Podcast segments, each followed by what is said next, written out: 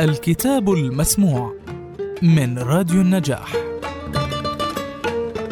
رأيت رام الله الجزء السابع.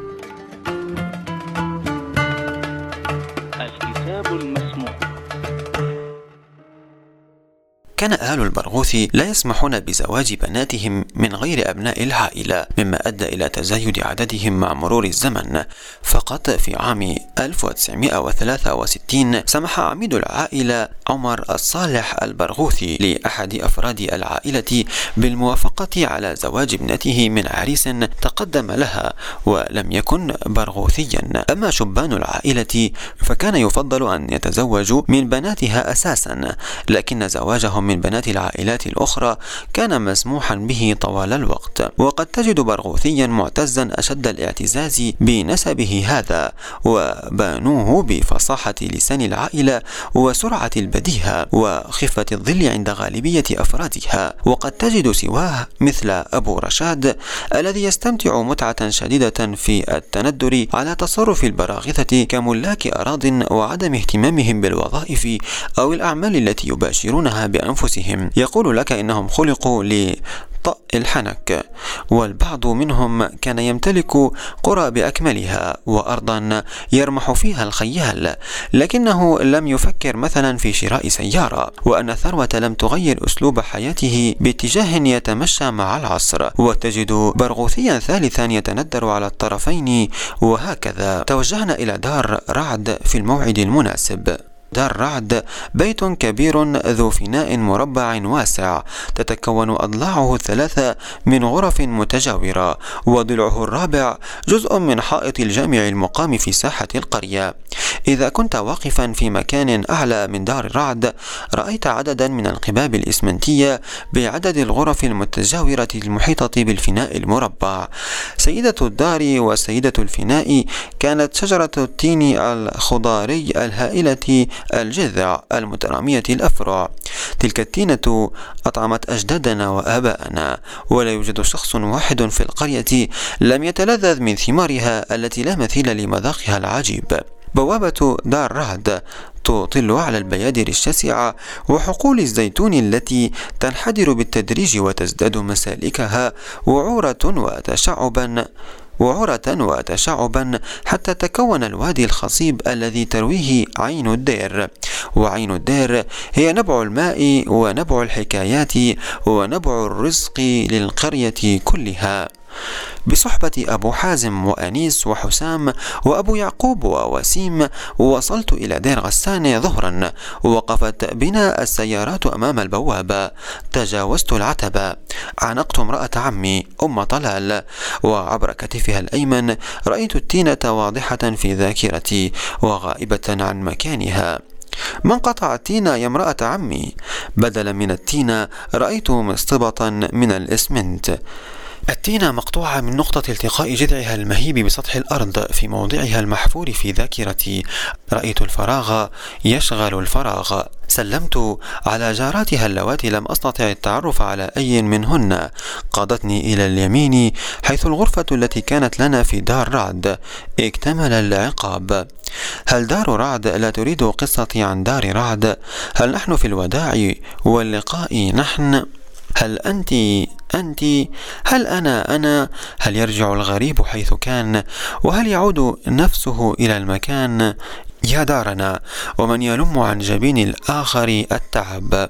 هنا ولدتني أمي. هنا في هذه الغرفة ولدت قبل مولد دولة إسرائيل بأربع سنوات. الغرفة بيضاء واسعة. سقفها العالي مرفوع على أعمدة تصعد من الأركان الأربعة لتلتقي أطرافها العليا في منتصف القبة الدائرية التي تشكل عقدة السقف الشبيه بسقوف المساجد والكنائس العتيقة. هنا عشنا عشنا أوائل أعمارنا. ستي أم عطا وأبي وأمي ومنيف ومريد ومجيد وعلاء. من فتح ذلك الباب الإضافي الواطئ في جدارها. إنه باب يفضي إلى غرفة عم إبراهيم بعد ضم الغرفتين ليصبحا معا دار أرملته أم طلال. لم يعد من العائلات الخمس من يقيم هنا سواها. زرعت الفناء كله بالأشجار بوملي تفاح عسيلي مندلين مشمش برقوق وبعض الخضروات. خس بقدونس بصل ثوم نعنع سيعود أهل البلد يقولون عنا دار الثور. يا امرأة عمي. وهذا هو لقبنا أهل دار رعد بالفعل ولا يعرف أحد القصة التي وراءه. وعندما كنا نسمع أحدهم يقول أنتم دار الثور.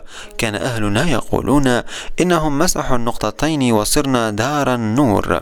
لكن اللقب ما زال يلاحقنا إلى الآن. كبرت وهيشت هاجر اللي هاجر ومات اللي مات لمين أطعمتينها يا ولدي؟ لا من يقطف ولا من يأكل. التين يظل عليها حتى ينشف ويوسخ الحوش كله. غلبتني. قطعتها وارتحت. امرأة عمي أم طلال هي كل سكان دار رعد الآن وحدها. وفي ساعات العصر يلتقي عندها في هذا الحوش المربع 49 أرملة. هن من تبقى من بنات جيلها في دير غسان.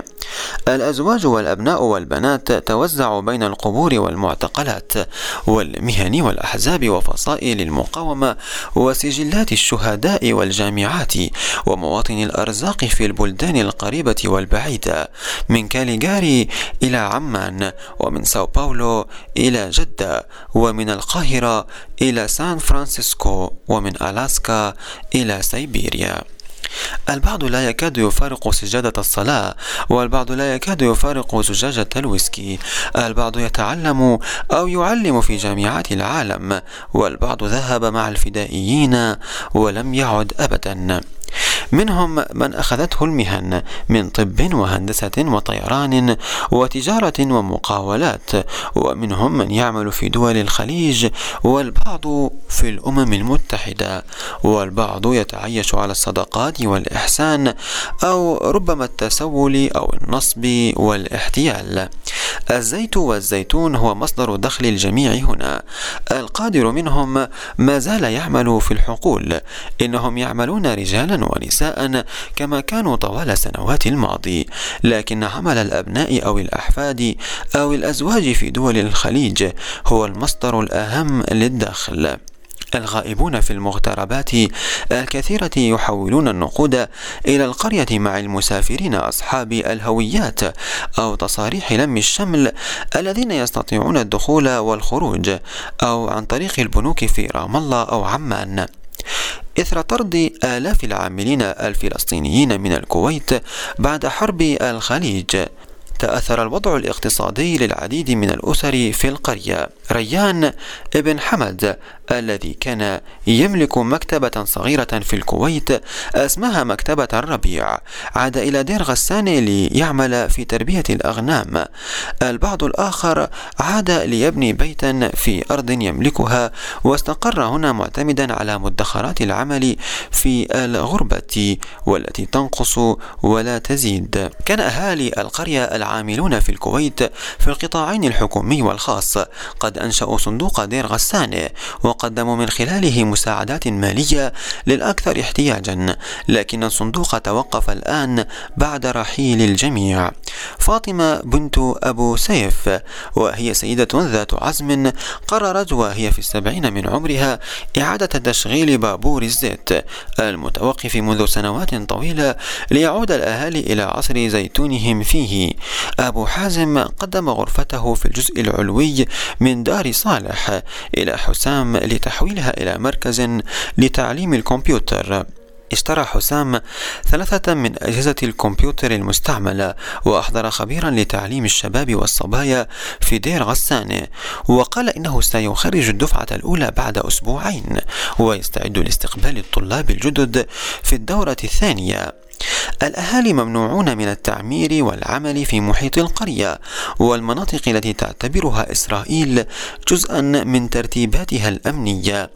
بعد السبعة وستين كان اكتشافي أن علي أن أشتري زيت الزيتون أمرا مؤلما حقا. كنا نفتح أعيننا على الحياة والزيت والزيتون موجودان في بيوتنا. لا أحد من أهل القرية يشتري زيتا أو زيتونا للأكل اليومي. القرية تبيعها لرام الله أو عمان أو الخليج إلى آخره. لكن أهلها يجلبونها من الحقول والمعصرة إلى الجرار والبراميل المنزلية التي لا تنفذ محتوياتها إلا بحلول الموسم التالي. زيت الزيتون بالنسبة للفلسطيني هو هدية المسافر اطمئنان العروس مكافأة الخريف ثروة العائلة عبر القرون زهو الفلاحات في مساء السنة وغرور الجرار. في القاهرة كنت لا أدخل زيت الزيتون إلى بيتي لأنني كنت أرفض أن أشتريه بالكيلو. نحن نزن الزيت بالجرة. كان منظره في زجاجات صغيرة خضراء كزجاجات الكوكا كولا يثير السخرية.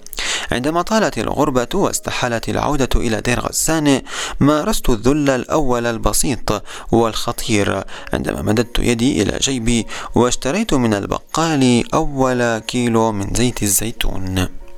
كأنني واجهت نفسي ساعة إذن بحقيقة أن دير غسان أصبحت بعيدة. أما التين فقد اختفى من حياتي طوال السنوات الشتات إلى أن رأيته عند بائع الفواكه في أثينا. كنت أغادر فندقي في الصباح الباكر لأشتريه من محل قريب وجعلته إفطاري اليومي. لم أتناول إفطارا واحدا في الفندق. ذات صيف في فيينا رأيتهم يبيعون التين بالحبة. اشتريت الحبة الواحدة بما يقارب الدولار. ساعتها قلت لرضوى ولتميم إنني ارتكبت جريمة بحق تينة دار رعد الخضاري. ولو عرفت ستي أم عطا أنني دفعت هذا المبلغ في حبة تين واحدة لأرسلتني إلى بيت لحم.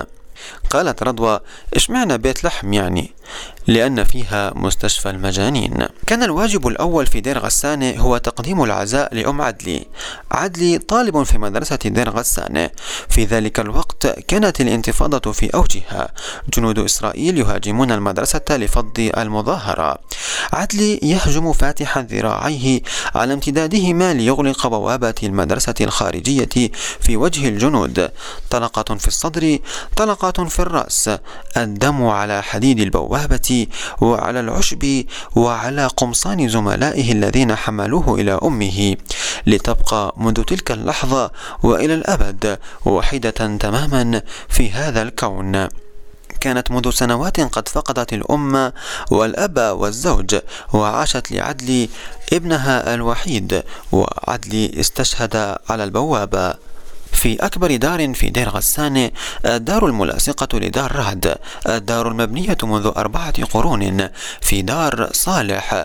كلها لا يقيم مع أم عدلي أي مخلوق آخر كلهم ذهبوا وحدها. بثوبها الفلاحي وبيديها المتينتين وعينيها الخضراوين وجلستها المؤبدة في قاع الدار العظيمة الاتساع. تنظر حولك فترى العشب هائشا على درجة الذائب. إذ يصعد ناقصا إلى العلية وعلى أقواسها وعلى جدرانها حتى الجدران الداخلية ذات اللون الدهري الفاحم. قدمت لي الشاي والترحيب والعناق الأمومي ووميضا مغلوبا في نظرات العينين. تحدثت هي عن منيف وتحدثت أنا عن عدلي ولم تطل الحديث. أطلنا الصمت لأن الصمت كان في مقدورنا نحن الاثنين. نظرت إلى علية والدها العم أبو حسين. لم يكن في القرية كلها من هو أكثر نحولا منه. كان وهو الأمي أبرع وأسرع من يجري العمليات الحسابية لنفسه وللآخرين. كان محاسب القرية رغم أنه لم يكن محاسبا وكان لحام القرية رغم أنه لم يكن لحاما. في النهاية لا بد لأحد في القرية أن يكون موهوبا في الحساب ولا بد لأحد من أن يبيع اللحم للأهالي. كان يسأل كل الرجال في المضافة عن حاجاتهم المتوقعة من خروف ينوي ذبحه في اليوم التالي. هذا يريد الزند وآخر يريد بيت الكلاوي. أو الفخذ وآخر يريد كيلوغراما أو كيلوغرامين. يطمئن إلى بيع كل جزء من ذبيحته ويحفظ الأوزان التي حجزها أصحابها عن ظهر قلب. عندئذ فقط يذبح الذبيحة ويخرج بها إلى الساحة ليوزعها ويقبض ثمنها كاملا. وإذا كان الزبون من المقربين فمن الممكن تسجيل اسمه بشكل مؤقت في قائمة المدينين. ولدت له الخالة أم حسين. ولدت له الخالة أم حسين أربعة عشر ولدا وبنتا بقي منهم أربع بنات إحداهن هي حكمية أم عدلي. أما هو فيبدو أنه توفي أثناء إقامة طويلة في بودابست ولم أسمع بالنبأ إلا بعد سنوات. غادرنا دار صالح وذهبنا إلى دار داود للتعزية في لؤي. لؤي تلقى رصاصهم في مدخل القرية. كنا قرأنا له الفاتحة عندما مررنا بجوار الشاهدة الإسمنتية المقامة في موضع دمه. رشق حجرا رشقوه بالرصاص. تركوه لعويل القرية كلها وذهبوا. لم يبلغ لؤي ولا بلغ عدلي الثامنة عشرة على الإطلاق. حان الآن موعد اللقاء في ساحة دير غسان يتوقعون مني قراءات شعرية لأهل البلد الذين سيفتتحون اليوم أول مركز ثقافي في تاريخ دير غسان بمبادرة من أنيس وحسام العائدين حديثا إلى فلسطين من أمريكا ومن عمان. ودعوا له أهالي قرى بني زيد المجاورة. الطريق إلى دير غسان نسيت ملامحه تماما. لم أعد أتذكر أسماء القرى على جانبي الكيلومترات السبعة والعشرين التي تفصلها عن رام الله. الخجل وحده علمني الكذب. كلما سألني حسام عن بيت أو علامة أو طريق أو واقعة سأرعت بالقول إنني أعرف. أنا في الحقيقة لم أكن أعرف. لم أعد أعرف. كيف غنيت لبلادي وأنا لا أعرفها؟ هل أستحق الشكر أم اللوم على أغاني؟ هل كنت أكذب قليلا كثيرا على نفسي على الآخرين؟ أي حب ونحن لا نعرف المحبوب ثم لماذا لا نستطيع الحفاظ على الأغنية؟ ألأن تراب الواقع أقوى من سراب النشيد؟ أم لأن الأسطورة هبطت من قممها إلى هذا الزقاق الواقعي؟ نجحت إسرائيل في نزع القداسة عن قضية فلسطين لتتحول كما هي الآن إلى مجرد إجراءات وجد وجداول زمنية لا يحترمها عادة إلا الطرف الأضعف في الصراع ولكن هل بقي للغريب عن مكانه إلا هذا النوع من الحب الغيابي؟ هل بقي له إلا التشبث بالأغنية مهما بدأ تشبثه مضحكا أو مكلفا. وماذا تفعل أجيال كاملة ولدت في الغربة أصلا؟ ولا تعرف حتى القليل الذي عرفه جيلي من فلسطين. خلاص انتهى الأمر. الاحتلال الطويل الذي خلق أجيالا إسرائيلية ولدت في إسرائيل ولا تعرف لها وطنا سواها خلق خلق في الوقت نفسه أجيالا من الفلسطينيين الغرباء عن فلسطين.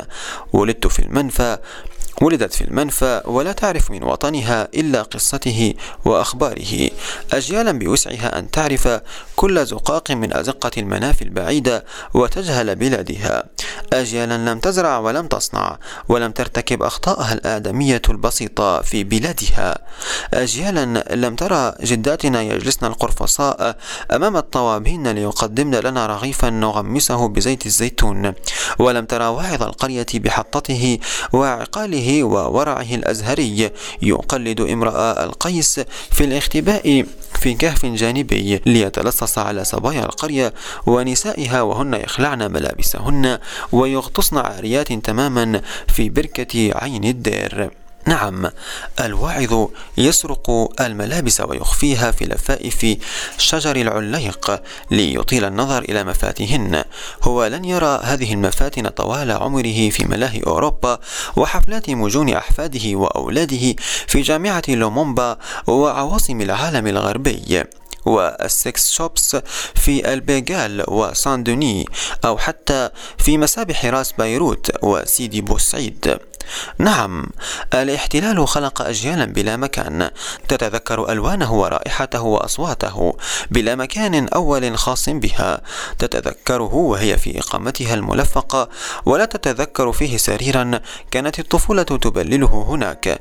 ولم ينسوا على ملاءته دمية من القطن الملون الطري ولم يتقاذفوا إذ يخرج الأهل للسهر مخداته البيضاء يضربون بها بعضهم ضاحكين من القلب. خلص الاحتلال الطويل خلق منا أجيالا عليها أن تحب الحبيب المجهول النائي العسير المحاط بالحراسة وبالأسوار وبالرؤوس النووية وبالرعب الأملس. الاحتلال الطويل استطاع أن يحولنا من أبناء فلسطين إلى أبناء فكرة فلسطين. إنني كشاعر لم أكن مقتنعا أمام نفسي إلا عندما اكتشفت بهتان المجرد والمطلق.